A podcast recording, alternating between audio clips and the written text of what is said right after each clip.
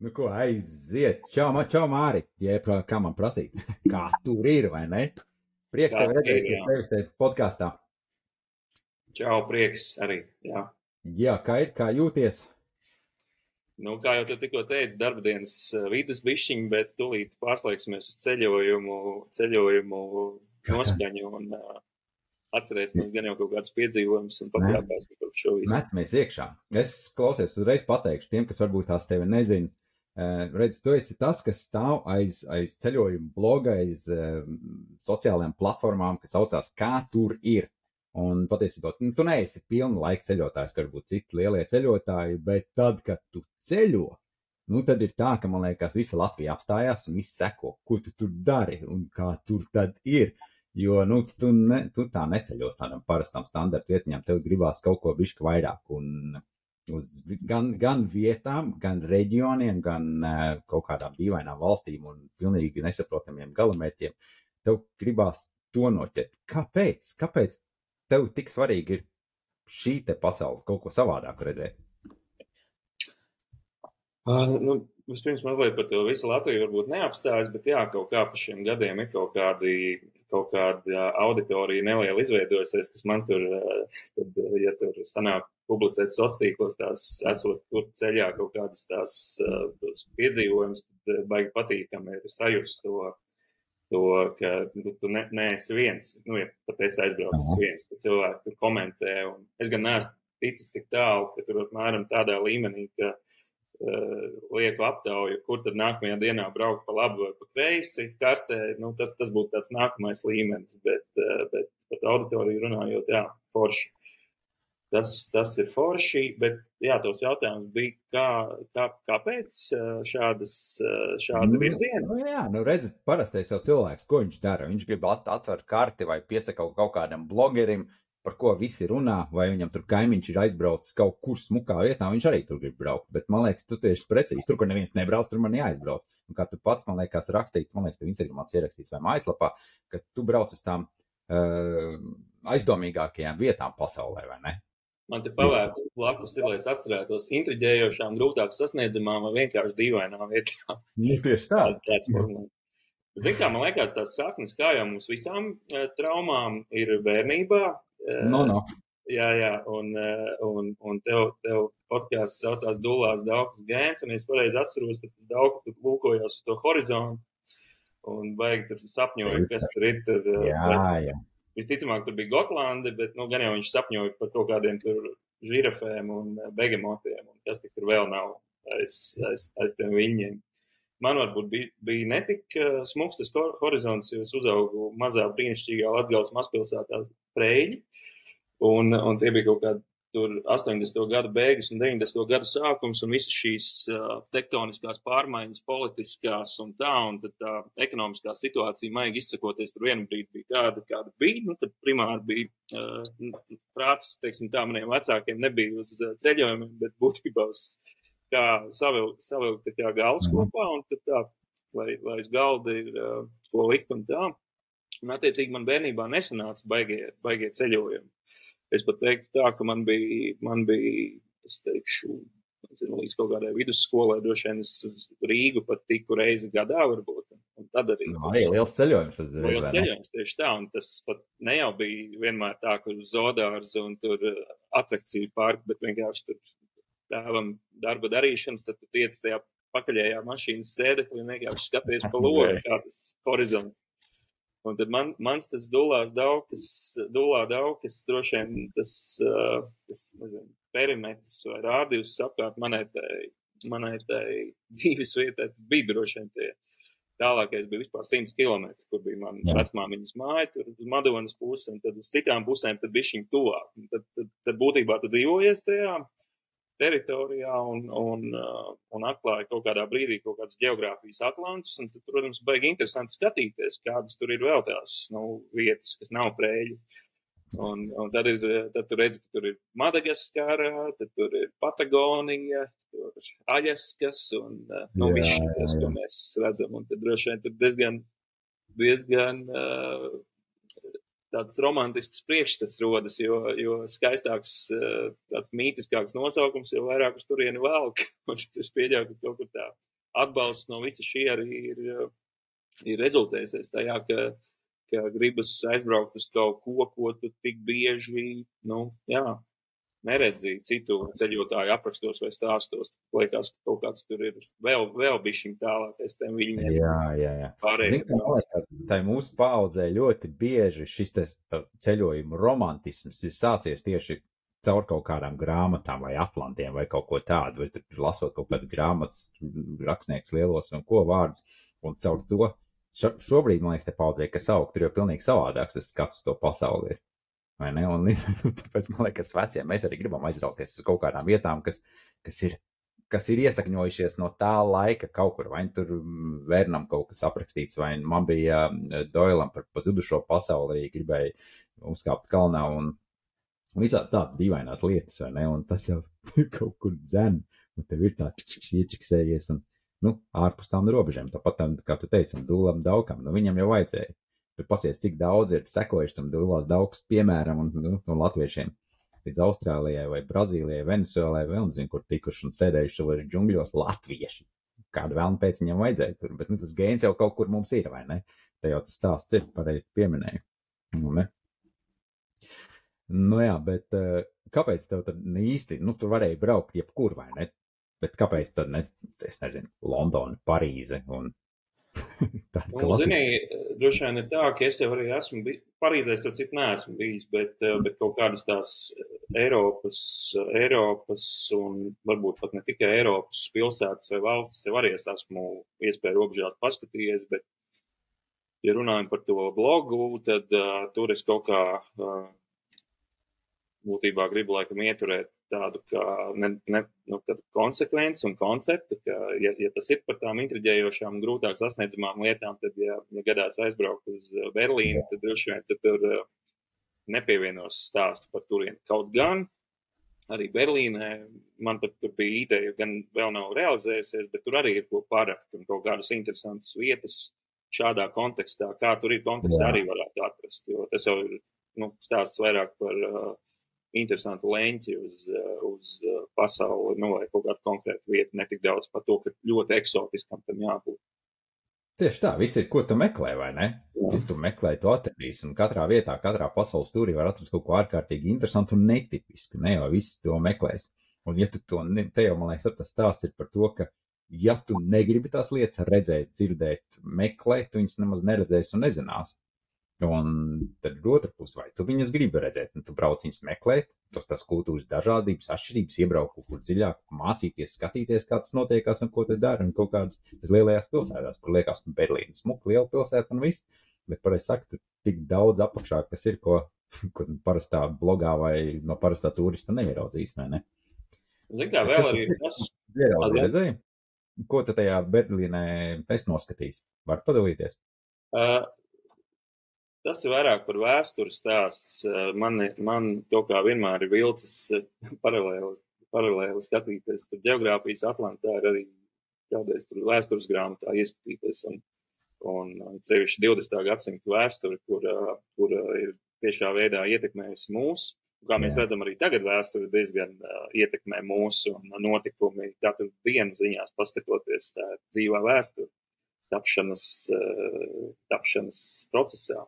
Bet, eh, bet Berlīna ir, eh, jā, vienmēr man likusies interesanti no tā viedokļa, tur ir eh, šis augstā kara sadalījums un mūris, un, un tā ir unikāla vieta. Un, un tur, ir, tur ir bijušas dažādas tās geogrāfiskās nianses, kā, kā šis mūris savulaik ir sadalījis to rietumu Berlīnu un austrumu Berlīnu. Mm. Tur bija tāds sākotnēji anklāvs, nu, kas tur rietumu Berlīnas tāda drupačiņa, kas bija atšķēlusies.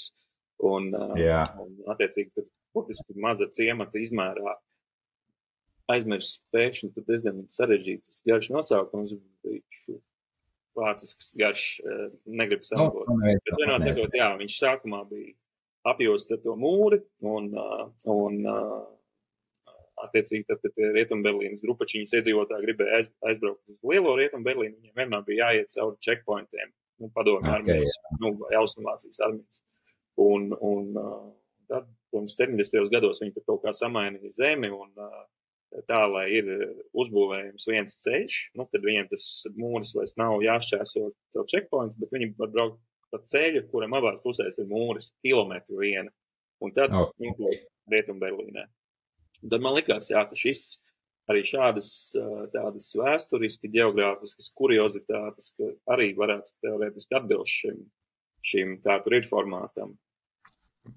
Un es, es biju, starp citu, aizbraucis tur, bet tur, godīgi sakot, bija tik ļoti šobrīd viss izmainījies un, un mierpilsoniski, patīkami, mierīgi.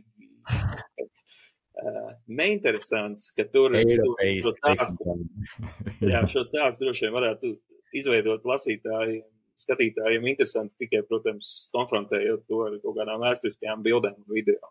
Jā, jā. Un, man, man tur bija šim pietrūka laika tam visam, tā kā šis vēl ir eh, projekts stadijā, šis stāstījums. Gan jau skaidrs, ka vēlreiz nokļūst Berlīnē. Nē, šis ir inčīgi, bet, eh, ja paskatās uz taviem pārējiem galamērķiem, tad, protams, šis ir tā, ka nobāla priekš, priekšā vai ne, jo pasies man te sarakstā, pieņemsim, tas pats maršrutu es izlasīju kaut kādas pāris, kur, nu, tie standarti ceļotājs nebrauks, vai tur Makao, Bangladeša, Turkmenistāna, Austrum Timora, Bruneja, Papua Gvinēja, uh, jā, Saudārābija, nu, pat tās atvērta arī, kas varbūt tās sāk vērties vaļā un turismas parādās. Tie ir tādi galamērķi, ko, nu, tas nebūs noteikti top 10, kur cilvēki gribēs braukt, bet um, tev viņi ir top 10, kuros tu aizbrauci. Un, uh, tas ir, bet ko tev viņi dod, kad uz tādiem aizbrauc? Uh, tieši bija, uh, bija man arī saruna, saruna par ceļošanu. Tieši burtiski piecas dienas pirms aizvērās martā 2020. gada pandēmijas vārti ierobežojumu. Mm. Un tur mēs tā, tas tika arī nopublicēts, ir tāds žurnāls Benji Newman.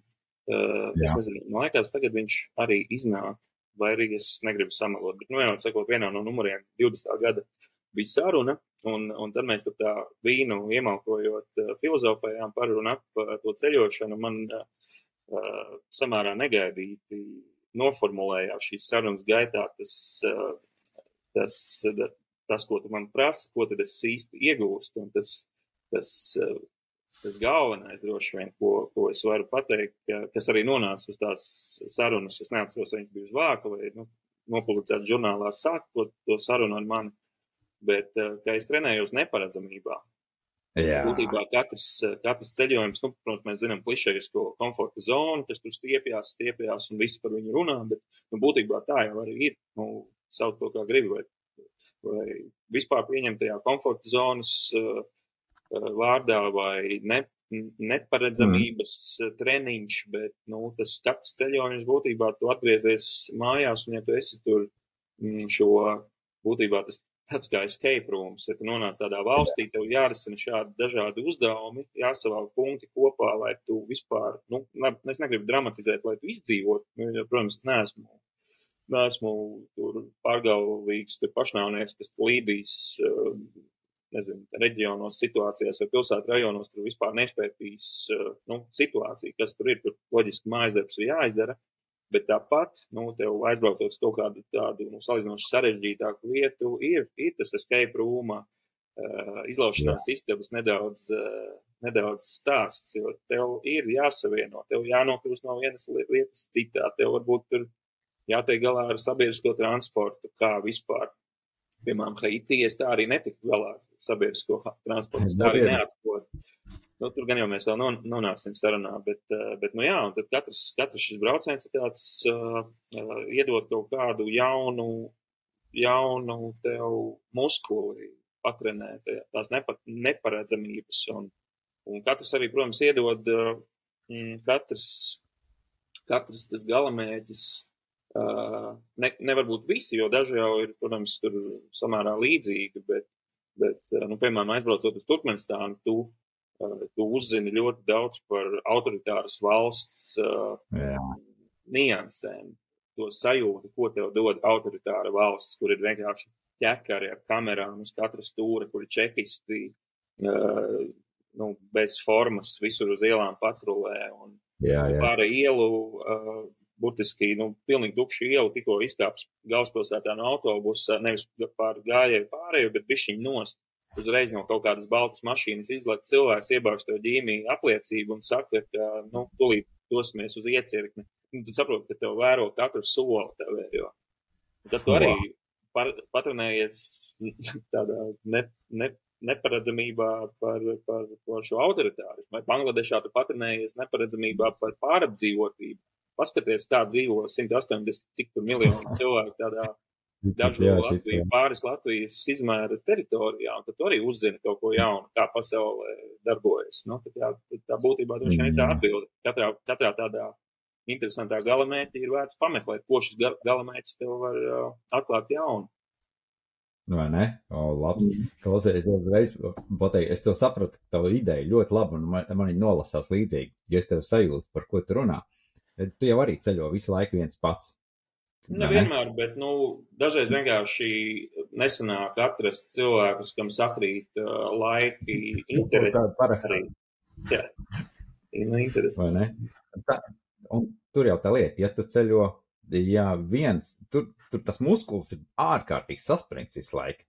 Un tev tiešām tas smadzeņu muskulis, par ko tu runāji, vai ne? Jo tev, tev tā problēma ir jārisina pašam. Tu nevari tur domāt, ai, tur kāds man tur palīdzēs kaut ko. Nu, ja tu esi tajos sūdos, tu esi, tur risini. Vai tur, tur transportiņš, vai nu kas, vai tur cilvēki, vai palikšana, bet tev pašam ir jāatrisina. Un tas, tas baigi trenē.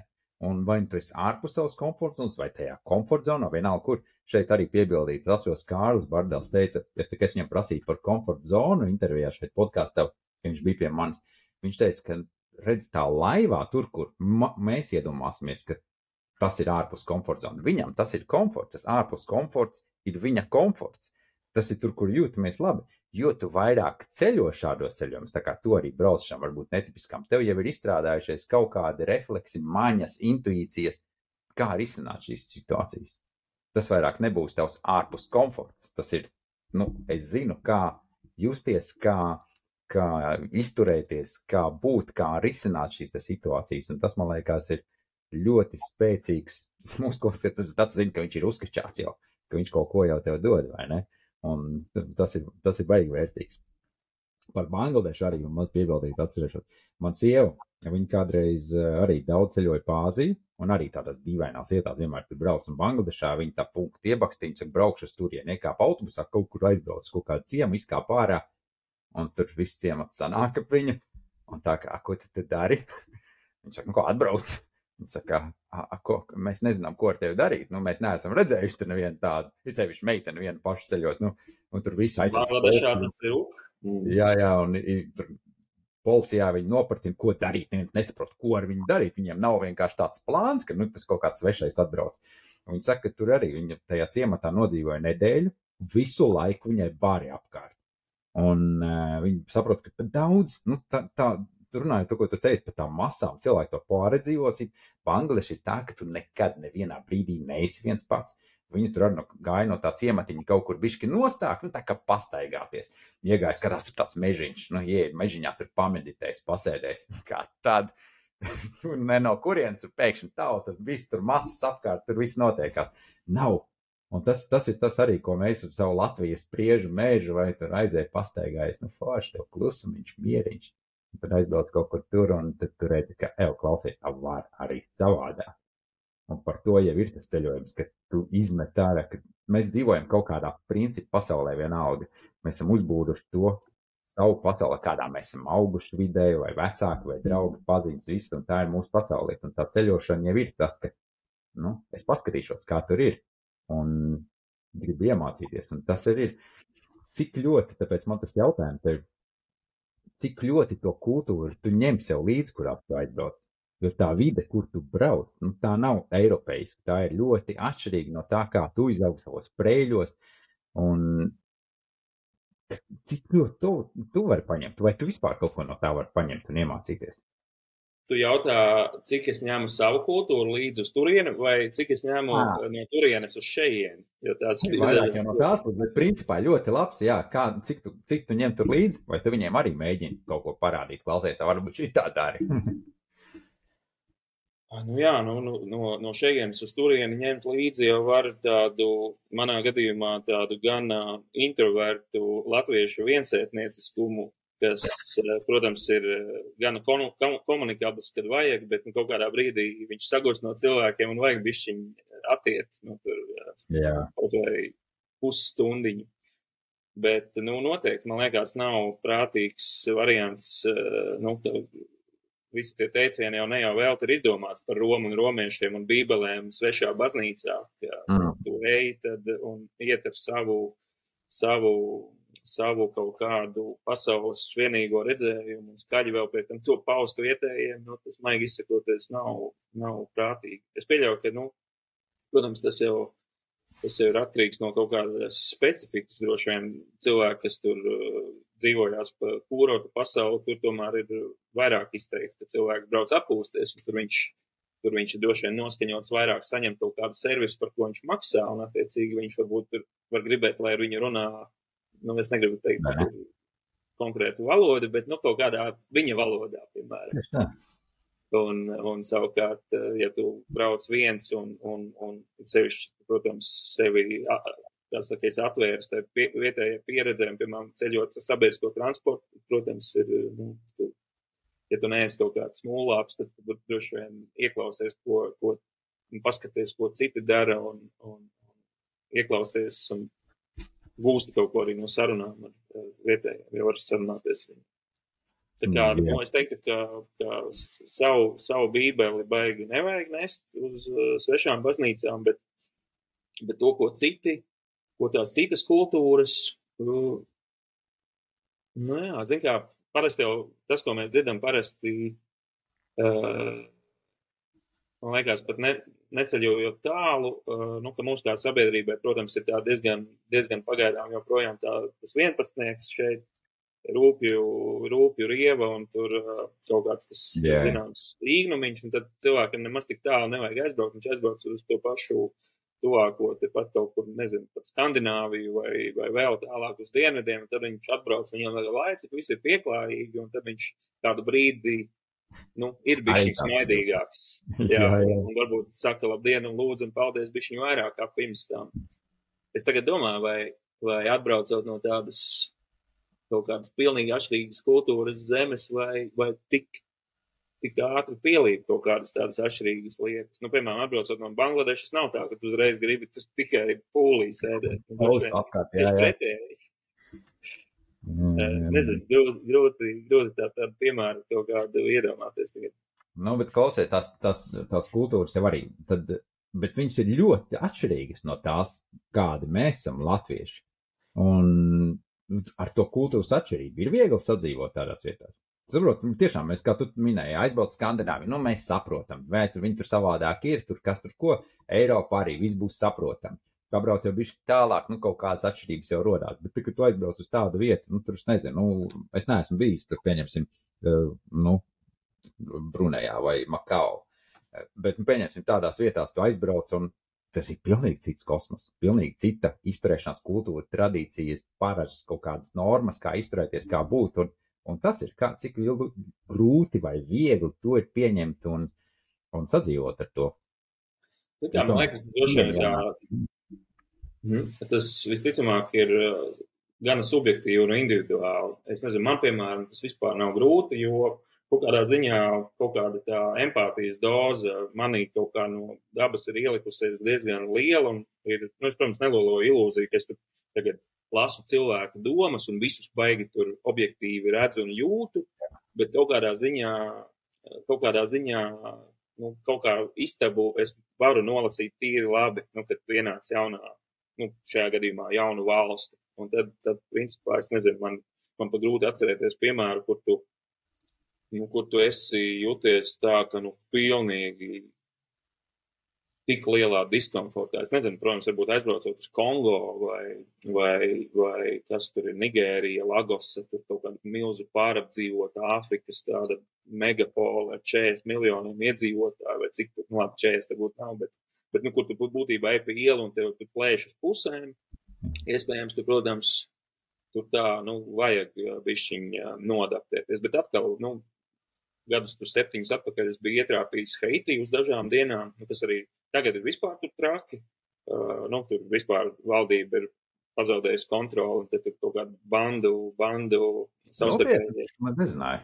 Jā, jā, tagad, tagad tur ir baigi aizgājis, ja, nu, kā tur saka, failed state vai kaut kā tāda, droši vien tas tuvākais apzīmējums. Bet, bet arī tad bija tā, nu, ka tu būtībā, nu, pilnīgi noteikti nejūties kā daļa no šīs sabiedrības, un tad tu atkal, nu, to spēlē savu galvā, to izlaušanās istabu, kā savilkt punktus kopā, lai gan te kaut ko paskatītos, gan arī beig beigās tur sveikam veselam tikt ārā no turienes. Un tad tad tas droši vien ir tāds viss atšķirīgākā kultūras pieredze manā pieredzē. Mēs atkal pieminam, redz, otro reizi jau Haiti. Nu, tad uh, pasēžam šitien papīpējiem par, par šito visu. Tu teici, tur arī bīstami tev tagad bija. Tā bija vieta, kur tu jūties apdraudēts. Nu, tur bija tā, ka man kaut kā intuitīvi, tas, tas man liekas bija, uh, ja es nemaldos, pirmais tāds ceļojums, kur, uh, nu, arī vienīti un uz tādu valsti, kas tur nu, nav, nav īsti varbūt, droši, arī tad neskaitījās. Bet, bet es to biju ieplānojis tādā kā, nu, es tur biju sakārtos, eh, atradis labas avio biļetes uz vispār to Karību reģionu. Un tur bija man tajā, nezinu, dažu nedēļu braucienā gan Kuba, gan Jamaika, gan uh, Dominikānas republika. Un, un tas Haitī bija viens no, viens no, pie, viens no pieturas punktiem. Tad jau man likās, ka, nu, kas tad tik traks varētu būt. Dažas dienas paskatīšos un došos uh, uz to blakus uh, esošo Dominikānas republiku, kas uz tās pašas yeah. salas.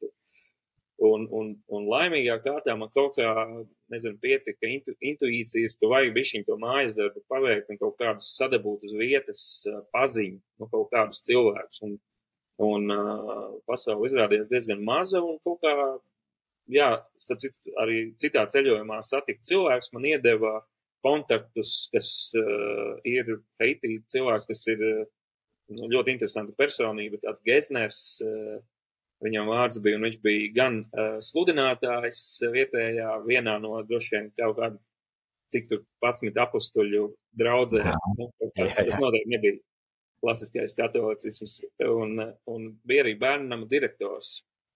Un, uh, Un es kaut kā biju ar viņu tad vienojies, ka nu, viņš man sagaidīs lidostā. Un, un tad, kad es to lidostu ieraudzīju, ka tur ir būtībā uz, nu, gandrīz vai tribīnes uzbūvētas, kur vienkārši sēž sagaidītāji pūles tevi kā gladiātoru sagaida izējot arēnā.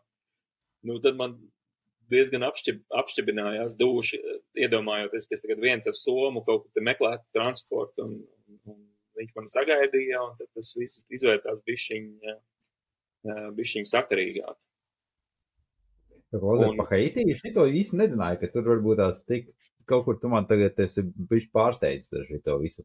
Palas, palas, tur ir pēdējie, pēdējie tādas reportāžas, tur diezgan, diezgan skarbas, bet tas, ir, nu, tas no mums, protams, ir tik tālu, ka, ka un diemžēl ir tas darbojas tas princips kaut kur internetā uh, klejoja bildīt pasaules traģēdiju karte, kur ir ja notiek kaut kas Amerikā, Eiropā, Austrālijā un Japānā, tad ak, diez cik briesmīgi.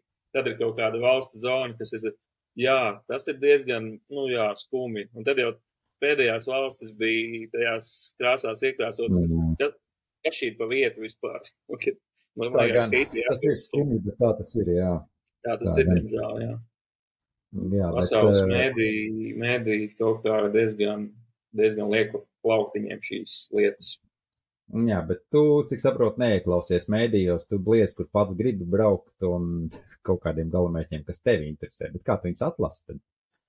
Kas ir tie punkti?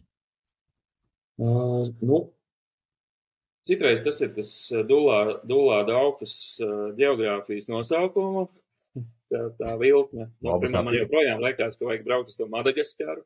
Viņa droši vien arī ir interesanti, jo tur, tur daba ir attīstījusies eh, citādāk, kā pārējā Āfrikā visi tie augi, nu, līdzīgi kā Sokotras sala Jemenā, tur tie pavisam, eh, pavisam specifiskie skati ir. Un, un, un, eh, nu jā, būtībā droši vien tas ir stāsts par paskatoties atpakaļ, kur tu jau esi bijis, droši vien negribās braukt uzreiz uz tādu pašu vietu. Piemēram, tagad februārī es biju Saudārābijā un droši vien man kaut kādu, nezinu, laiku neprasās braukt uz nu, ļoti līdzīgu, nu, arābiski runājošu zemi, jo plus mīnus detaļas, protams, būs citādas, bet, eh, bet nu, tā kultūra ir eh, nu, salīdzinoši līdzīga. protams, gribās kontrastam kaut ko citu. Un, un tad, tad, tad, tad skaties, kas ir, kas ir kontrasts Saudārābijā. Tā varbūt ir Centrāla Amerika. Un, un tad tā būtībā Jā, mēģinot, protams, arī sabalansēt to visu ar iespējām, jo, nu, man uzreiz ir jāpiebilst, ka tas Uh, nu, kaut kādi miljoni, miljoni mantojumā nav iekrituši, un tas viss ir jāsabalansē vienmēr arī ar kaut kādu nu, praktisko realitāti. Un tas nekad, faktiski vispār nekad nav tā, ka tu pēc vienkārši ieej tur skaiskanarī un nopēc vienkārši biļetes, jo tur gribās braukt. Visticamāk, viņas diezgan ilgi tur medī, kamēr ir kaut kāda akcija vai cenu kļūda, un tad, kad nomedī, tad nu, tas jau pirmais dopamīna vilnis par, par par ieguvumu, jā, un, tad, tad jau tu tur plāno tālāk. Tas ir budžeta ceļojums, kurā gadījumā. Jā, bet klausies, tad man uzreiz tev ir plāns, ar pieņemsim, tu aizbrauci, tev arī blogā ir ieraksts par uh, uh, Solomonu salas, nē, kas tās bija pa? Uh, Solovku salas, ja? Krievijā. A, kāda mārotka pēc uz turieni ir jābrauc? Tur taču ir paskatījos, taču tās bildes, nu, tur nekā nav. Nu, tur tas ir, tas ir tas, runājot par to kultūrālo atšķirību, viss tur taču tā ģērieviņa riktīgā. Bet, nu, arī atkal tas stāsts tagad tikko stāst par tām biļetēm un ko tur. Nu, saliec visu to kopā tagad un pastāst, kāpēc uz turieni ir jābrauc. Zin kā, tas ir tur kaut kāds zināms tāds uh, nosacīts plānošanas pragmatisms ir uh, ar domu, ka, ja tu esi nokļuvis vienā reģionā, tad mēģini nevis tur, nu, es neesmu no tiem, no tiem tā tas ir tie, ir tie slow food, slow fashion, un tad ir slow travel jā, jā. droši vien šīs kustības. Tad es esmu tāds uh, švaks, lēnais ceļotājs, kas tur mīl aizbraukt uz vienu valstu, un tad viņš tur, viņš apgalvos, ka ja tu neesi četras nedēļas bijis vienā valstī, kas neskaitās, tu nemaz viņu neesi apmeklējis, man šis īsti nestrādā. Man ir tas, eh, tas mans iekšējais dūlais daudz, droši vien ir tāds nedaudz negausīgs, un tad, ja viņš ir nokļuvis, tad sadabūjis tās biļetes uz kaut kādu attālu reģionu, tad viņš mēģinās no viņiem tur to karoti lielo pastrept, cik, cik vien var vairāk. Un, un, ja tu redzi, ka tur ir blakus kaut kādas interesantas valstis, kur tu vari paskatīties kontrastus starp viņām, kaut tas pats Haiti un Dominikānas republika, kas man liekas ir lielākais kontrasts, viens no kāds vien var būt starp divām valstīm pasaulē, jo tas ir neaptverami, oh, wow. cik, ļoti, yeah. cik ļoti vienā pusē ir pilnīga postapokaliptiska, nu, vispār par kaut kādiem saviem nosacījumiem, saviem likumiem darbojušā, darbojošās vide, un blakus ir spāņu kultūra, kur katrs pārtikas veikaliņš pārvēršas vakarā bārā, kur cilvēki dejo salsu. Jā, jā, jā. Tas ir, nu, tā kā 100 km, 20 km viena no otras šīs abas vietas ir, un tad vienkārši, wow, nesaprot. Bet jā, atgriežoties par tiem, par tiem kāpēc, kāpēc, kāpēc tās, jo, nu, dažreiz tās vietas sanāk, šis ir Solovku salas ir tieši pats, tas pats gadījums, jo, jo sākotnējais galamērķis tam braucienam bija vienkārši kartē ieraugot, ka izrādās Krievija robežos ar Norvēģiju. Uh, nu, uzreiz radās dabiska interese, ka Paga, nu, baigi interesanti, kā, kā tad varētu būt kaut kāda droši vien padomu laikā superslēgtā teritorija, nu, kas ir Murmanskas apgabals, kas Jā. ir pierobežas zona ar NATO valsti, uh, kā ir vienā pusē un kā ir Norvēģijas pusē. Un tad mēs vienkārši iesēdāmies ar dažiem dombiedriem uh, mašīnā un aizbraucām.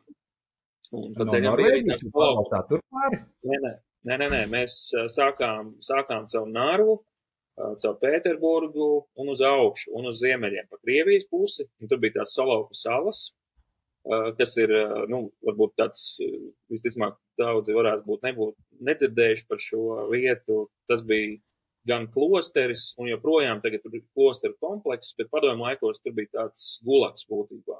Tāda diezgan baisa vieta, kur, kur bija ieslodzījuma vietas, un, un tagad tas ir atguvis atkal, atkal klostera, nu, tāds pus, pa pusē svētas tādas vietas status, bet, nu, protams, Krievijā nekad nevar zināt, kur, kur, kurā brīdī tur kaut kur arī kaut kas tur varbūt atkal slēgts un, un uzslepens rodas blakus. Bet tad tā palikšana arī klosterī? Ja es atceros pareizi, vienu nakti mēs palikām uz tās salas, jā, mēs pārbraucām ar tādu ļoti eksotisku kuģīti, un kaut kas tur tāds bija, jā, klostera viesumā vai kaut kas tāds. Es domāju, tas ir efekts jau skaidrs, ka tur nebūs un neizskatījās, ka tur viesnīcas vai vispār kas pēc savām bildēm tāds pamestā pasauli, tad baigi mistiski izskatījās. Tur bija vispār, zini, kas bija tāds vispār mītiskākais. Mēs, mēs atbraucām tādā pievakarē un, un man liekas, tas kuģīts uz to salu bija salām, salu bija nākamajā, nākamajā rītā un mēs tur ar braucienu kolēģiem tur saviesīgi pasēdējām. Vakarā kompī skatījāmies, nu, lai tajā noskaņā Krievijas vairāk iejustos tāda filma Ostrov. Yeah. Aizmirst pēkšņi slaveno aktieru Jotrs. Ma, nu, vienmēr sakot, atkal neglumēšos Jotrs Mamonovs, laikam tāds viņam bija uh, vārds, un viņš tur tēloja tādu ļoti specifisku vīru, kas tur, nemaldos, kļuva par, nu, nezinu, ja nu gluži mācītāju, tad aizgāja tādā nu, šajā reliģiskajā virzienā. Un tur, un tur viņš tā kā, nezinu, vai kalpoja, vai dzīvojās pa tādu nu, ļoti, kā no krievu pasakām, baznīciņu ar koku to sīpolu un krustu. Tāda maza, maza būdiņa sašķiebusies viegli. Tajā filmā bija. Un, un nākamajā rītā mēs zinām, ka nu, kādā brīdī tas kuģītis, tur, piemēram, desmitos no rīta, un es to kā piecēlos agrāk ar domu, ka es pastaigāšu apkārt un pabildēšu to ciemata, ciemata apkārtni. Jā. Un, un nenormālākā migla. Tā ir Baltā jūra, un tur diezgan, diezgan arī tie paisumi bēgumi, un arī tāda ļoti spocīga atmosfēra, kad ir tieši tas bēguma mirklis, kad atsakas tās aļģes, nu, jūras dibens, diezgan sekls tas līdzes. Un es klīstu, klīstu pa to miglu, kaut ko tur dzirdu tālumā, tur aptuveni gaļu, mošanās skaņas, nu, kaut kādā seši vai pieci no rīta. Vai kaut kas tāds. Un es vienkārši vienā brīdī redzu siluetu Un es saprotu, ka tur parādās jumts nedaudz šķīps, nedaudz šķīps tas eh, koka sīpols, krusts. Man vienkārši tagad man zosādas to stāstot. Es vienkārši saprotu, ka tā ir tieši tā pati uh, baznīciņa, ko es vakar redzēju filmā. Ei, nu es labs. Un tas bija vienkārši tāds, kā tas ir iespējams. Nu, protams, ja tā pazūmē ārā, nu, protams, nu, kā, nu, droši vien tāda diezgan raksturīga paskata daudz Krievijā varbūt arī nav, nu, filmā ir filma un forši, bet, nu, kā tu vari nosīties to filmu un nākamajā dienā uzskait tam visam miglā virsū, un tas bija viens no tādiem, wow, nu, mega wow. Jā, jā. jā nu, es viņu arī redzēju tavās bildēs, tiešām baigi mistiski izskatījās, tas tiešām iespaidīgi. Mm. Mm. Redz, pēc šitām sajūtām viena vērts cīties pakaļ, nekas uzdzēn tās skudriņas, oh tas ir labs, tas osāde ir, tā ir, tā, tā ir, tas ir pierādījums, ka kaut kas ir labs, ka ir noķerts šī sajūta, ko mēs dzenamies pakaļ. Noteikti. No, ne?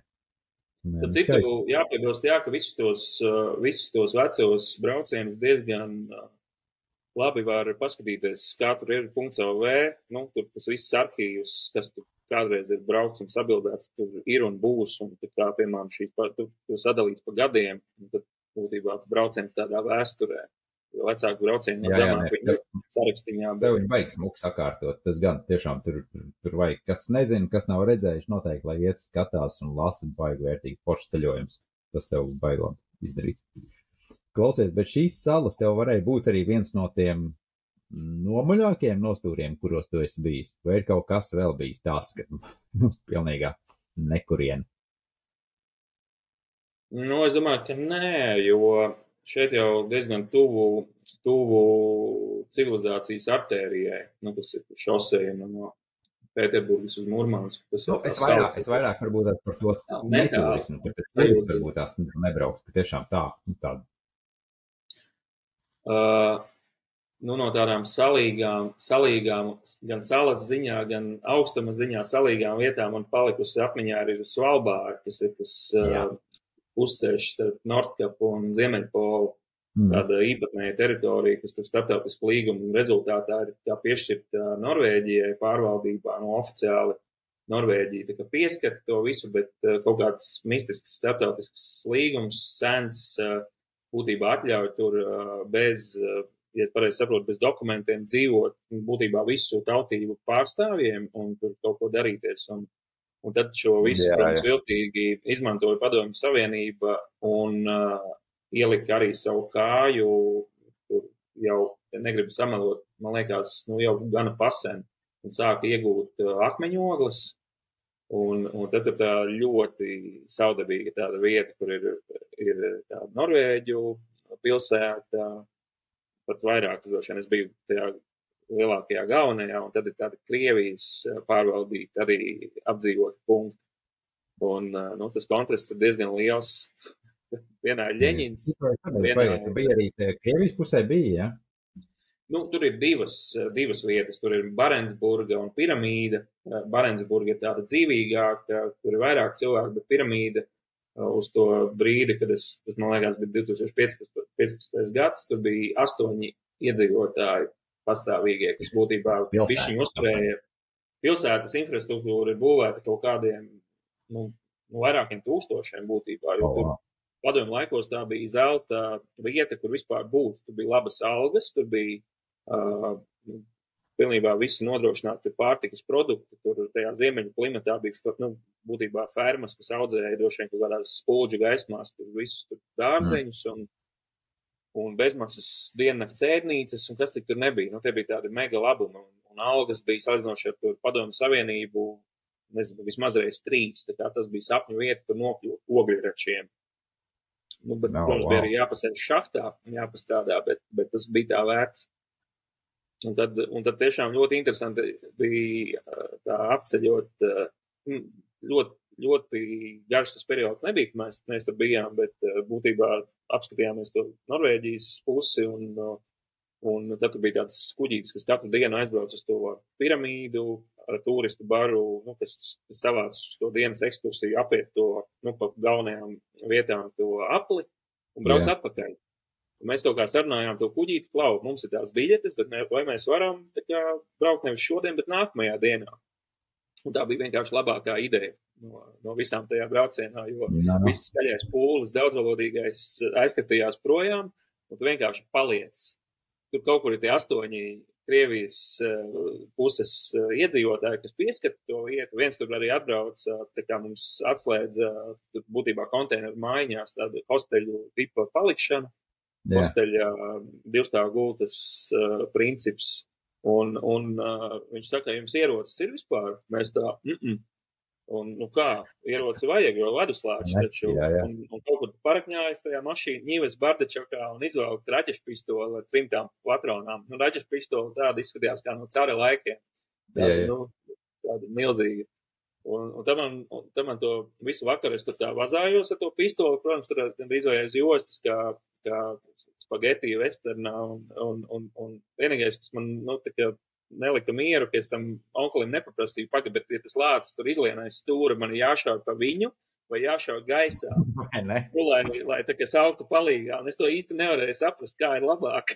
mm. Laimīgā kārtā nebēt, nu, ne, nesanāca, tā kā pārbaudīt šo. Bet tā, ka, nu, darīt tur nav ko, vai ne? Vienīgais piedzīvot to, te, ka tu esi nekurienē, atkal kaut kādā skaistā vietā, bet, eh, bet akcents nu, nekad beigās nenotiek. Jāiedzer tur 50 grami vodkas un, un jāskatās, kā, kā kaut kādā tur pusnaktī, kad ir tā polārā saule, pēkšņi panesās garām, uh, panesās garām uh, klusumā absolūtā, tas, nezinu, vietējais vienīgais džips, kurā sēž pilsētiņas galvenais džeks ar kaut kādu to, nezinu, grāmatvedi vai, eh, nu, kundzi, būtībā mīļāko.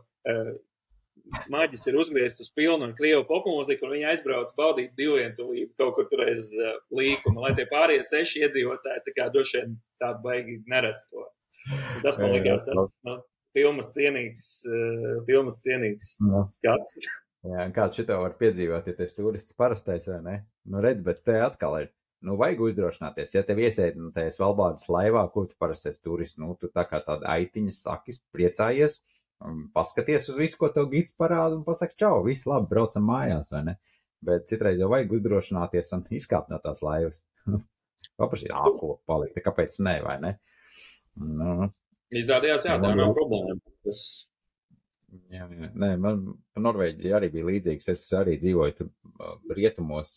Viss pilsētā, kur visvairāk rietumos, visā Skandināvijā, tad Floru, esmu aizbraucis, un arī prāmi, tur prāmi tas laiviņas braukājs, viņam saka, var aizvest man uz to vienu salu vēl tālāk iekšā. Aizbrauc, viņš arī domāja no sākuma, ka vedīs man atpakaļ. Es viņam saku, nē, es kāpšu ārā, es palieku, man brauc pakaļ rīt no rīta. Čāls ir tāds, te nekā nav. Es saku, nu tieši tāpēc, nu, es tāpēc jau gribu, ka te neviens nav. Toči ne. Es saku, nu jā, nāc tā rīt, tu, tur no rīta, cikos tur, kad atbrauc, tad atbrauc, atbrauc man pakaļ. Man telts līdzi, tur prīmus viņš visu aizgāja, uzkāpa kalnā, uzcēlu telti un, un dzīvoju skaisti. Apkārt aitas, es viens pats uz salas, nu skaisti, ritīgi, ritīgi kruta. Un man liekas, tas ir īsti, ka tev vajag kādreiz vienkārši tā, nu, droši pieņemt to lēmumu, ka es gribu darīt kaut ko savādāk. Nevis vienkārši iet standarta takās to, ko man pateica kāds turismu buklets. Bet vienkārši, jau, bet var jau arī tā, un var izdarīt tā, var izskatīt no tās laivas ārā, vai ne, vai kaut ko. Un tas gan man atgādina, šis gan man atgādina stāstu par to, kādu tur vai rakstnieks vai dzēnieks, eh, neatceros gan eh, laika periods, kad tas notika, bet vienmēr sakot, mums taču ir Latvijai tā vienīgā sala, kur atrodas kaut kas raga bāka, nu cik 3 km no krasta. Un tad dzēnieks vai rakstnieks bija sarunājis, ka nu, viņš aizbrauks uh, pagūt iedvesmu, nu, arī vai nu tur vienu pēcpusdienu vai uz vienu nakti, ar domu arī brauciet man pakaļ. Un tā kā nu, viņš uz īsu, brauci, uz īsu laiciņu brauc, tad tur, nu kā, nu, taču mūzes un, un saules gaisma barojošā, tad paiku nevajag ņemt līdzi, un šis bija trīs ābols paņēmis. Vienmēr sakot, sākās vētra, un Džeku nevarēja trīs dienas dabūt piebraukt pie tās, pietēloties pie tās salas. Tas izturēja tādu ļoti zaļu ģīmi, pēc tam bija, nu, kad izglābās beidzot, tad tāds, tāds, tik daudz salām viņu kādu brīdi es ne, nevilku. Jā, jā, jā, vai ne? Bet, uh, nu, re, runājot, pieskāramies kaut kādām bīstamībām un uh, kā ar to tev ir gājis? Kaut kādas bailes vai kaut kādi bīstamie momenti. Nu, tomēr tur ir braucis, jo Haitī pieminēja, ka nejūties tur labi. Uh, Bet kā citos reģionos, tu tam gatavojies, tev ir kaut kāds, nu, teiksim, jā, tas cilvēciskais faktors, tas cilvēciskās bailes vai arī, protams, kaut kāds apdraudējums no dabas, dzīvnieku un pārējais. Ir tev kaut kas, kas tev biedē vispār? Nu, noteikti, noteikti. Es ne, nu, zin kā, tas stāsts noteikti nevajag vispār baigi Oh, sākt, sākt vispār ar, ar bailēm droši vien nevajag, jo, jo nu, tad vispār, tu, ja tu sāksi tikai informāciju gūt no tiem uh, valsts, ko publicē, tur ieteikumu pilsoņiem, pirms došanās uz tādu, tādu valsti, nu, ja tu paņemtu Lielbritānijas, piemēram, ieteikums pašķirst, tur tās tur travel advice, uh, ko UK mājaslapā. Uh, nu, tad liekas, ka visās valstīs ir vienkārši vājprāts. Un droši vien arī par Latviju tad tur liekas, ka tur, nu, nezinu, prezidenta vēlēšanas tuvojas un teorētiski var būt pulcēšanās un sazin, kas, nu, Āfrikā tas, protams, ir mhm. izteiktāk, ka, ja ir prezidenta vēlēšanas, tad nevajag būt labāk tajā valstī, jo tiešām var tikt, tikt kaut kādos notikumos. Bet es domāju, te ir tas pats stāsts par, par tādu mājas darba, mājas darba bišķiņu izpildīšanu. Te vajag uh, painteresēties un, uh, un mana pieredze rāda, ka palīdz tomēr tiešām saganīt pirms brauciena kaut kādus paziņas. Nu, loģiski, tu simtprocentīgi, nu, tāpat tev ir jāatverās un jāuzticās cilvēkiem, bet ja tu tur esi atradzis, piemēram, cilvēku caur couchsurferu lapu, nu, kas piekrīt, ka tu bišķiņ pirms tam braucienu sazinies un ka viņš piekrīt tev tur parādīt pilsētu vai tur, nu, kādas vietas. Tas jau ir kaut kas, nu, piemēram, tajā pašā trešo reizi, bet pēdējo par to Haitī. Uh, tur arī es sapratu, ka, ka viens pats pa to pilsētu, it sevišķi ar fotokameru, doties ir diezgan neprātīgi, jo, nu, risks, ka tev viņi vienkārši atņems, ir nu, tā gandrīz, manuprāt, tuvu simtprocentīgam. Tad es tur Jā. Uh, paliku vienā vietā, kur, uh, kas nebija viesnīca, bet tur, nu, būtībā kaut kāda starptautisko organizāciju strādnieki, nu, darbinieki panāk, nu, nakšņo tāda pansija, teiksim tā. Un tad es viņiem apjautājos, kā viņi, nu, organizē to pārvietošanos, un tad man ieteica vienkārši, ka es prasīju, vai varbūt jūs zinat kādu vietējo, kas grib bišķiņu piepelnīties un, nu, būt ne gluži tur gids, gids, nu, kā profesionāls gids, bet, nu, jā, vienkārši savējais rajonā. Un tad tiešām uzrādās nākamajā dienā čalītis, kas, kas man arī parādīja pilsētu. Un bez viņa, nu, tas nebūtu iespējams. Viņš man, pat mani ieveda graustu rajonā, kas tur ir bēdīgi slavens, tāds Cites Solei, Saules oh, pilsēta. kas tagad droši vien arī tur ir diezgan traki, jo tur burtiski es esmu paskatījies YouTube video pēdējo, nu, salīdzinoši svaigus, tur būtībā dienas, dienas laikā vienkārši piespiediet pie mūra, jo aiz, aiz mūra sienas šauj kāds. No, jā. un, un tajā brīdī, kad mēs tur bijām, tur nešāva gluži, bet nu, tur arī bija tā, ka būtībā nu, viens pats ar kameru tu dzīves gan jau tiktu ārā, bet nu, bez kameras. Nu. Un man bija wow. vienkārši unikāla iespēja paskatīties to visu savām acīm. Un, un, un, un nu, runājot par drošību, jā, tad vienkārši labāk vai nu nelīst uh, pilnīgi uz dūlo šādās vietās, vai tomēr sarunāt, sarunāt kādu, kas tev var to parādīt. Vietēji. Vai ne? Bet, bet tā Haiti patiesībā no visām vietām, kur tu esi bijis, piemet vairāk sēst, tiešām ir tā bīstamākā? Jā, atvaino man zvani, ka jau tas sasniedz. Jā, mirkli. Nu, man liekas, ka jā. Man liekas, ka jā, jo, nu, nē, nu, zin kā, tas, tas ir droši vien atkal, bet kas ir, kas ir tas kritērijs, jo, jo dažkārt, nu, paskaties to travel ceļošanas risku kartas ir tādas, kur tie reģioni ir iezīmēti no zaļas līdz sarkanai krāsai. Ja tā paskatās, tad ļoti daudz nu, no tām vietām, kuras esmu bijis, ir diezgan sarkani. Nu, tur tā, tāpat ir Papua Jaungvinēja vai Papua reģions Indonēzijā ir iezīmēts sarkans, jo tur ir no laika pa laikam notikušas kaut kādas, nu, droši vien situācijas, kas, kas šo reģionu ieliek tajā riska sarakstā. Bet nu, tas jau nenozīmē, ka tu uz vietas jutīsies tur apdraudēts. Nu, atkal tādā ziņā fórumi un fórumi un kaut kāda saziņa ar, ar to galu pirms ceļojuma nodara. Nu, īstenībā tā jau ir. Pareizi, tu saki, galvenais ir tā, tad ir mājasdarbs, izpētīt, atrast kaut kādu cilvēkus. Un pats galvenais, man liekas, ko es vienmēr esmu teicis, tas ir tomēr ir kaut kāds, ir, ir saprāts, ko var, ko nevar. Nu, nevajag taisīt muļķīgas lietas un nevajag to kameru vad, vadāt līdz uz tādiem galvenmērķiem, tātad, nu, rajoniem vairāk, kur to nevajag. Un, protams, intuīcija tā, man liekas, arī baigi spēcīgi strādājusi. Maz man, es arī esmu jūties pāris reizes, ka nu, tā, ka, nu, taču nu, nevajag, nu, jau tik tuvu, ka kaut kur citur pēkšņi jāpazūd, un nu, tā, ka nevajag. Ja nevajag, nevajag.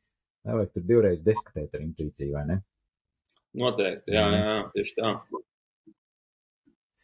Nu, jā, vēlosies vēl, ko es tev gribēju pierun, izrunāt ar tevi.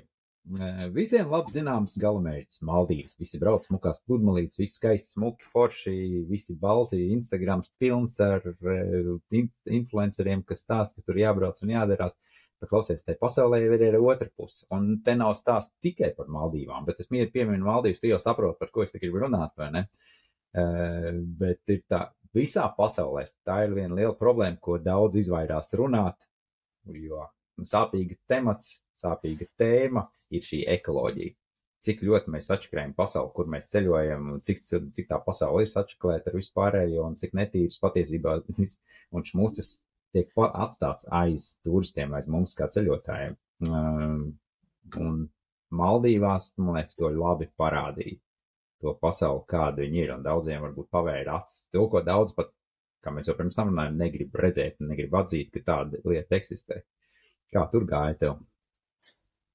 Nu, tu droši vien to piemini, tāpēc, ka, jā, es biju, uh, man bija tāds tieši pirms pandēmijas iepriekšējā ziemā, es biju tādu piepildījusi senu sapni uh, nopirkt uh, biļeti vienā virzienā uz Āziju un tad vienkārši paskatīties, kas no tā visa sanāk un cik, nu, nezinot, vai uz mēnesi vai uz diviem. Ar domu arī, protams, nedaudz naivu, ka izdosies arī tur attālināt, pastrādāt, ceļojot aktīvi. Tas mm. nevienmēr sanāca tik labi, kā varētu gribēt, ja kaut kas sanāca. Un tad es tur, jā, tā brauciena ietvaros, līdzīgi kā es tev stāstīju, ka, ja, ja jau es esmu reģionā, tad es centos uh, kā, kaut kādiem sastiķēt kaut kādus pārlidojumus un paskatīties kaut kādas vietas, kur, nu, citādi būtu čakarīgi vai dārgi, nu, organizēt atkal no Latvijas braucienus. Tad tajā braucienā arī sanāca gan tā Austrum Timora, gan Bangladeša, nu, tur diezgan liels, liels reģions. Jā. Un tad uh, jau tam braucienam ejot uz beigām, tad es, nu, kaut kā likās, ka, nu, tās Maldīvu salas tiešām, kā tu saki, ka tur diezgan daudz ir redzēts, tie super skaistie kurortu saliņas ar tām mājiņu rindām uz pāļiem, super tirtīs zilajos viļņos, nu, baigi smuki. Un tad man likās, ka, nu, tad vajadzētu iedot to manu, manu arī skatpunktu, kas ir blogi konteksts. Un, un, un tas arī sanāca pat tīri dabiski, jo, jo būtībā man jau tas uz tā brauciena beigām, tas budžets jau gāja uz beigām, un es pat tur gribēdams nevarētu atļauties to kurorta salu piedzīvot, jo, nu, salīdzinoši ar to, ko es tur napinājos, tas būtu diezgan sālīt. Es tur paliku galvaspilsētā, male, būtībā istabiņā Airbnb, laikam tas bija. Tur kaut kāda prusaka arī bija bišķiņa jādauza, un tad tāda ļoti jauka meitene bija saimniece, un es viņai tur tā teicu, klausies, jums tā viss baigi forši, un jūs tā cenšaties, tad es viņam tā pa kluso pateikšu, ka jums te ir prusaki, ka, nu, vajag, vajag kaut ko darīt, nopirkt to prusaka līdzekli, es negribu, lai jums tur viesi, jūs tik jauka, un es negribu, lai, nu, zin kā, tad varbūt netik empātiski viesi, ka tu saraksti tās sliktās atsauksmes.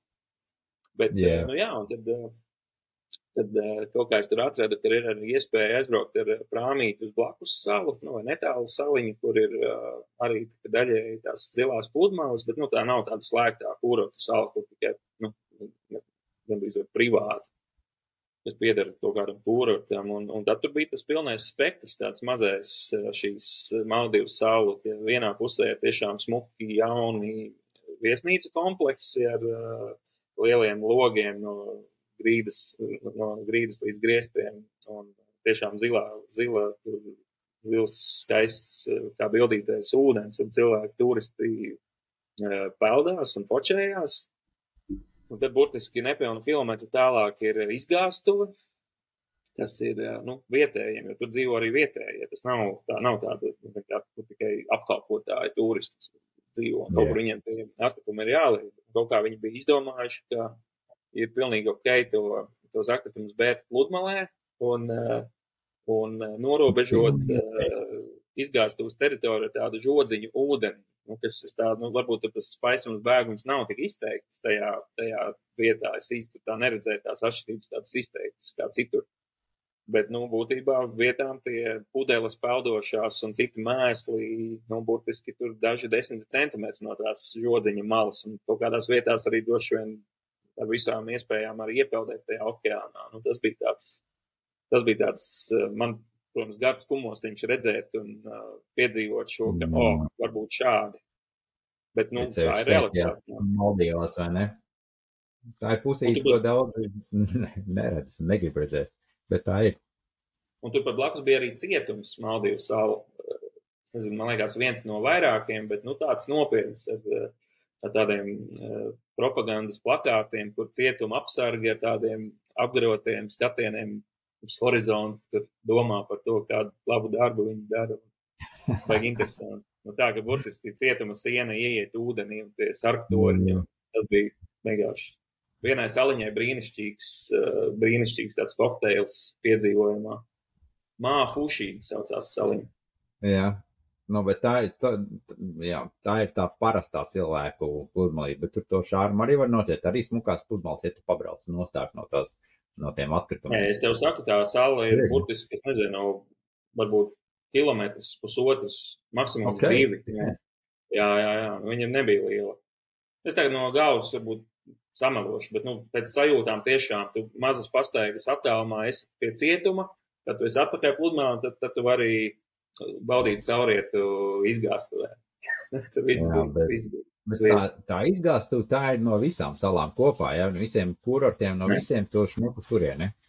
Es domāju, ka tā bija tās konkrētās salas izgāstuve, kas vienkārši Jā. bija švaki apsaimniekoti, bet viņiem netālu no galvaspilsētas ir tiešām izgāstuves saliņi kur ir mm. tiešām, nu, jo galvaspilsēta ir diezgan liela un, nu, blīvi apdzīvota, tur būtībā, nu, tāda ovāla, ja kartē paskatās, tad ovāla pilsētiņa, kas ir, nu, tā būs vecajā pilsētas daļā tāda ļoti blīva, un tad, nu, principā viss, viss tiek vests uz turienu, un tur, protams, es arī pameklēju nu, tas būtu arī interesanti paskatīties tādu skatu punktu uz Maldīvu salām, bet tur bez kaut kādas privātas laivas būtu pirmkārt nevarētu tikt, un otrkārt, es domāju, ka tur arī varētu būt problēmas ar kaut kādiem, ap, nu, ja ne gluži tur apsardzi, uz sitiena parādītos, bet nu, kaut kas uz to pusi, ka nu, noteikti negribētu saliņas tie darbinieki, ka tur, tur, kāds vazājas ar kameru un tā, tā bojā, bojā valsts turismu tēlu. Nu jā, tā ir. Tēls tomēr ir pilnīgi cits maldīgā, un tikai daudziem galamērķiem tā ir, bet nu, tā ir realitāte, ar ko mēs saskaramies, un tam tas ir skarbi, bet tam tas ir. Bet vēl runājot par to ekoloģiju. Nu, nu. Jā, apaļosimies par ekoloģiju. Zini, kur visstrakāk, trakāk, tas, ko es esmu redzējis, varbūt pat negaidīti, Balī salā ir traģiski ar ekoloģiju, no, jo, jo pājot bišķiņu nos no, no galvenajām pludmalēm, kur traktori katru vakaru nenošķūrē izskalotās pudeles. Uh, tas ir vienkārši neticami. Nu, un, un tas, laikam, ir tas kaut kāds uh, nezinu, vai Instagram formāts vai kā, bet nu, nemaz tik daudz uh, neredz tos apūtniekus un influencerus, kas tur baigi izgaismo šo atkritumu problēmu, bet nu, tā ir vienkārši traģiski. Un tas ir pat uh, tas vienkārši traumas, kas nes krastā. Tie pat nav tur vietējie, kas, nu, vietējā turismu industrija to saražo tikai. Tās traumas. Tā ir, ir nopietni, tā problēma ir nopietna. Kur ir turisms, tur būs šmuca. Un, uh, zin kā tas ir paši jau mēs mēslojam, vai ne?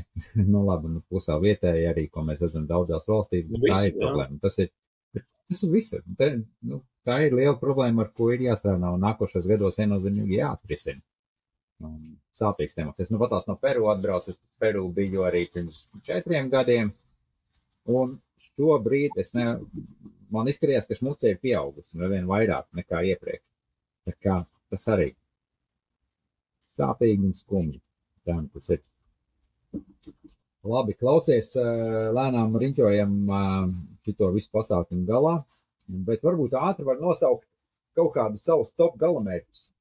Kas ir tādi, nu, ko tu tiešām no saviem nestandarta maršrutiem, kur tu esi bijis, varbūt ko ieteikt cilvēkiem, kur taču neaizbraukt un kur taču nebraukt. Man liekas, tas kriterijs ir, kur man gribētos aizbraukt vēlreiz. Un, un paradoxālā kārtā tie maršruti ir nemaz netik tādi dīvaini un aizdomīgi. Nu, kas diezgan loģiski. No. Ļoti aizdomīgām vietām beig neraujies vēlreiz, vēlreiz braukt baudīt. Es nezinu, ja, ja nav būtis, man liekas, reize dzīvē ir pilnīgi noteikti jāapskata Japāna. Nu, tas ir kaut kas vienkārši tik, tik savāds un interesants. Un, Un uh, tur, nu, absolūti nekāda problēma no drošības viedokļa, bet, nu, vienīgais, kas ir apdraudēts, ir tavs, nezinu, kaut kādi esošie skatījumi uz pasauli, tur tā, tā Japāņu kultūra un viņa tas piegājiens un viss tās māņu pairinājumi. Jā, tas mm. ieblieš kārtīgi, tur, tur noteikti. Es gribētu atgriezties un droši vien parādīt kaut kādiem savējiem arī to valsti. Tas ir baigi, baigi interesanti. Noteikti. Nu, par par nebraukt, nu, nezinu, tas, tas, domāju, droši vien ir uh, tik individuāli, nu, kaut kā, redz, ir, ir jau tie cilvēki, kas tur iet tajā izaicinājumā apbraukt visas pasaules valstis, un tad viņi sakoši zobus un braucas tur dažādām, tur, nu, galīgi, galīgi, tur varbūt tur Centrālā Afrikas Republika, kur ne, revolūcija pēc revolūcijas, es nezinu, protams, tas jautājums, cik tu izbaudi tādu ceļojumu, bet, bet, nu, tas katram, Jā, nebraukšana, katram pašam jāizlēm. Tā gan. Skaidrs. Nu, labi, paldies tev par šo. Beigās, nobeigumā pāris jautājumu man ir tev. Sagatavot, ko varbūt tu varētu ātri atbildēt. Un tad, nu, ko sākam? Pirmais jautājums ir, varbūt tev ir kaut kāda atziņa, kas tev iedvesmo ceļot, vai iedvesmot arī pārējos ceļotājus. Man liekas, tas, ko es sākumā teicu par to trenēšanos neparedzamībā, nu, ka, ka ja tu vari no brauciena Jā. atgriezties ar kaut kādu uh, uz priekšu pastumtu savu to jā, ierasto un komfortablo un jūties patrenējis to kaut kādu muskuli vai, vai, vai uzzinājis kaut ko par pārapdzīvotību vai, vai tieši, nezinu, Japānā par kaut kādu mega atkal attīstību un kaut kādā citā valstī tu ieraugi nabadzību, tas viss, nu, tu pieredzi pasauli. Tās lietas ir tādas, kādas viņas ir, bet, nu, nevajag kļūt par, piemēram, droši vien tur, nezinu, nabadzības turistu un braukt tikai pa graustiem un tur, nezinu, kaut kā tur nezinu, kaut kāds tas vojerisms, tas noteikti, tas jau tāds speci, specifiski izklausās, bet, bet vienai dzīvē ir arī to vērts redzēt, lai, lai saprastu vispār, nu, cik pasauli ir dažāda. Un, jā, man liekas, tā atziņa ir, ka, ka vajag, vajag dažādot tos, tos iespējas, un tas, tas baigi dod daudz. Bet, redziet, bieži jau ir tā, ka mēs nākam no kaut kādas vidas, kā jau te pieminējām, bieži ar kaut kādiem savu to kultūras čemodāniņu līdzi ar saviem tiem principiem, un ir grūti pieņemt šīs te jaunās vidas kultūras tradīcijas, kas ir ļoti, ļoti atšķirīgas, ļoti bieži. Un varbūt tās cilvēki ēd kaut ko ne tā, varbūt uh, dara ne tā, vai vēl nezinu, ko, kaut ko, kā atvērties šim un kā pieņemt šīs atšķirības. Nu, te jau ir tas uh, atkal, jāsaka, jo vairāk tu trenē muskuli, jo lielāku fronteli viņš var pacelt, un jo vairāk tu ceļo, jo atvērtāks tev prāts ir. Nu. Un, attiecīgi, es domāju, ja tu, ja tu, jā, ja tu dodies un, un ja tu ceļojumu redzi kā iespēju kaut ko mācīties un uzzināt kaut ko jaunu, tas jau notiek dabiski. Tu jau nevari būt, vienkārši, man liekas, fiziski nevari būt aizspriedumains, ja tu tiešām mm -hmm paskaties lietas. Nē, nu, gan jau kāds arī cenšas un varbūt aizspīdumēts un, un, un ieciklējies. Bet, nu, es domāju, ka, man liekas, jau drīzāk, te jau drīzāk, cilvēks sev ieliek kaut kādā būrītī, vai ne, un tādā ieliek sevi kastē, un šitas ir tas, kā es to daru. Un pārējais, kas nāk ārā, es vienkārši ignorēju, neeksistē vai es nepieļauju tās te jaunās kaut kādas iespējas um, vai šos kultūras valdzinājumus, vilinājumus vai vēl nezinu ko. Un, es, nu, zin, kā man nāk vai, prātā, vai vienkārši...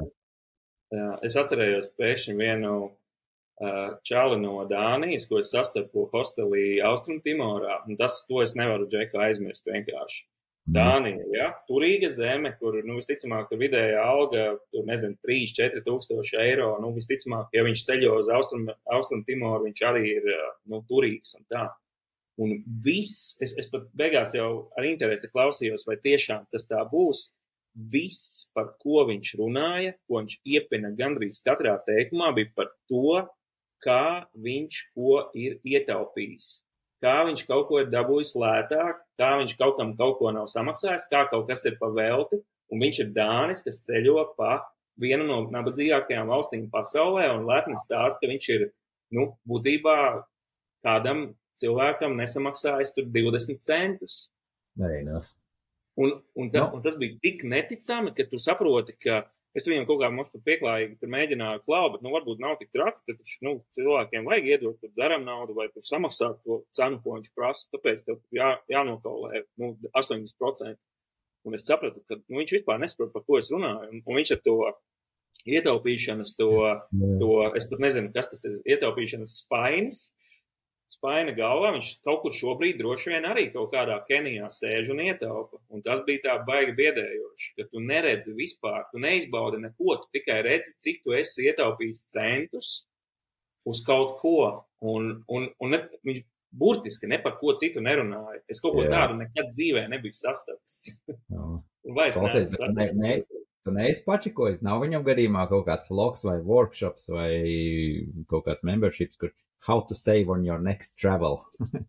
ot, kaut kā mums tas konteksts, man bija tik tāds, ka, oh, bāc, es baigi negribu ieslīgt sarunās, jo tas ir tikai par vienu un to pašu. Tagad, kad tu tā saki, būtu interesanti, jā, bet, nu, viņš neizskatījās tāds, kas to dara, lai citiem, citiem par to stāstītu.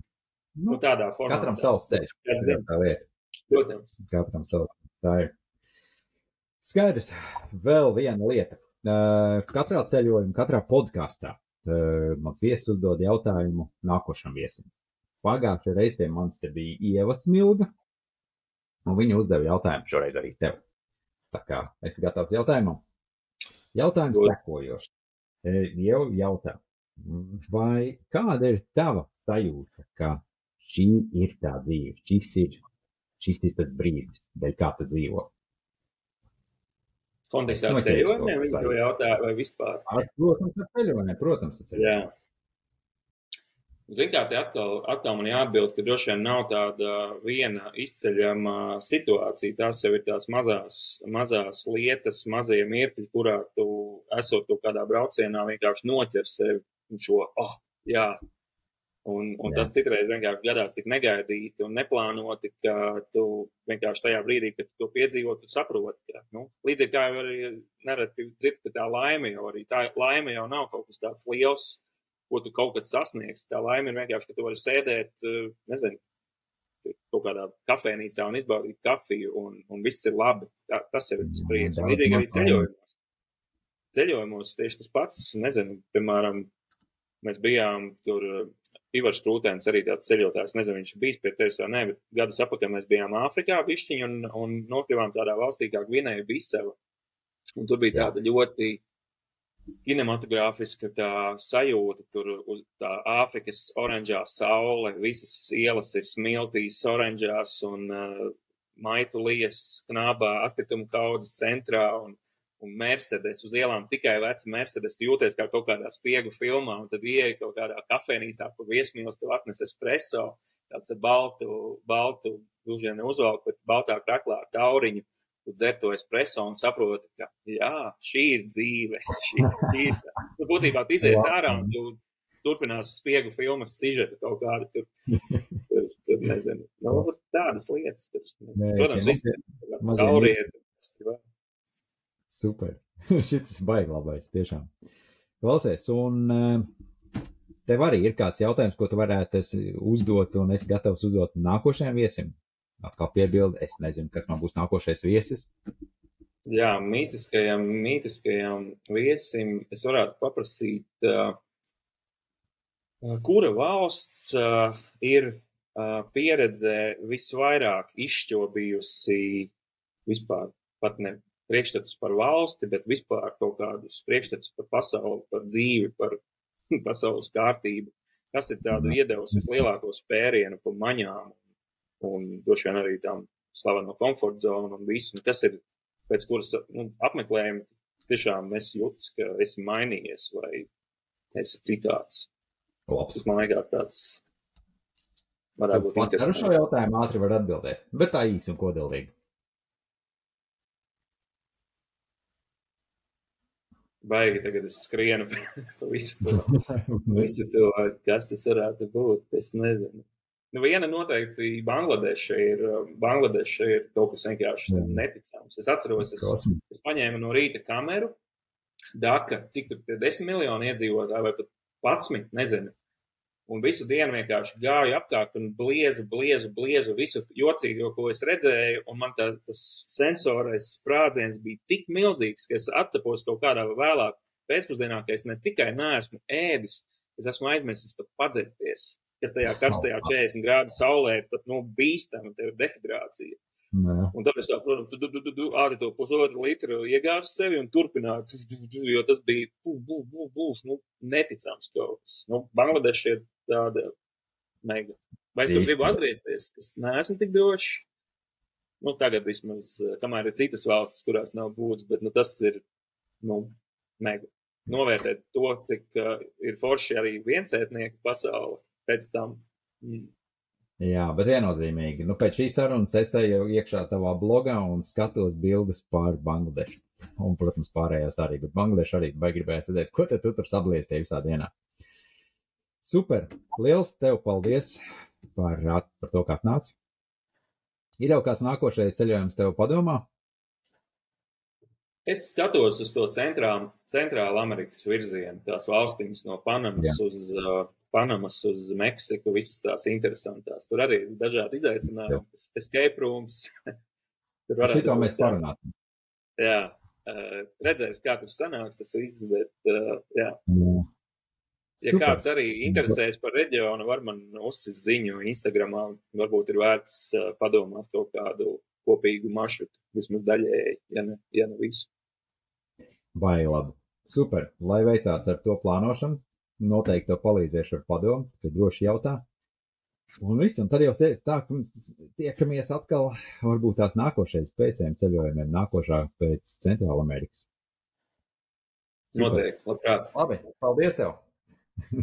Paldies tev, uzaicinājumi. Jā, čau!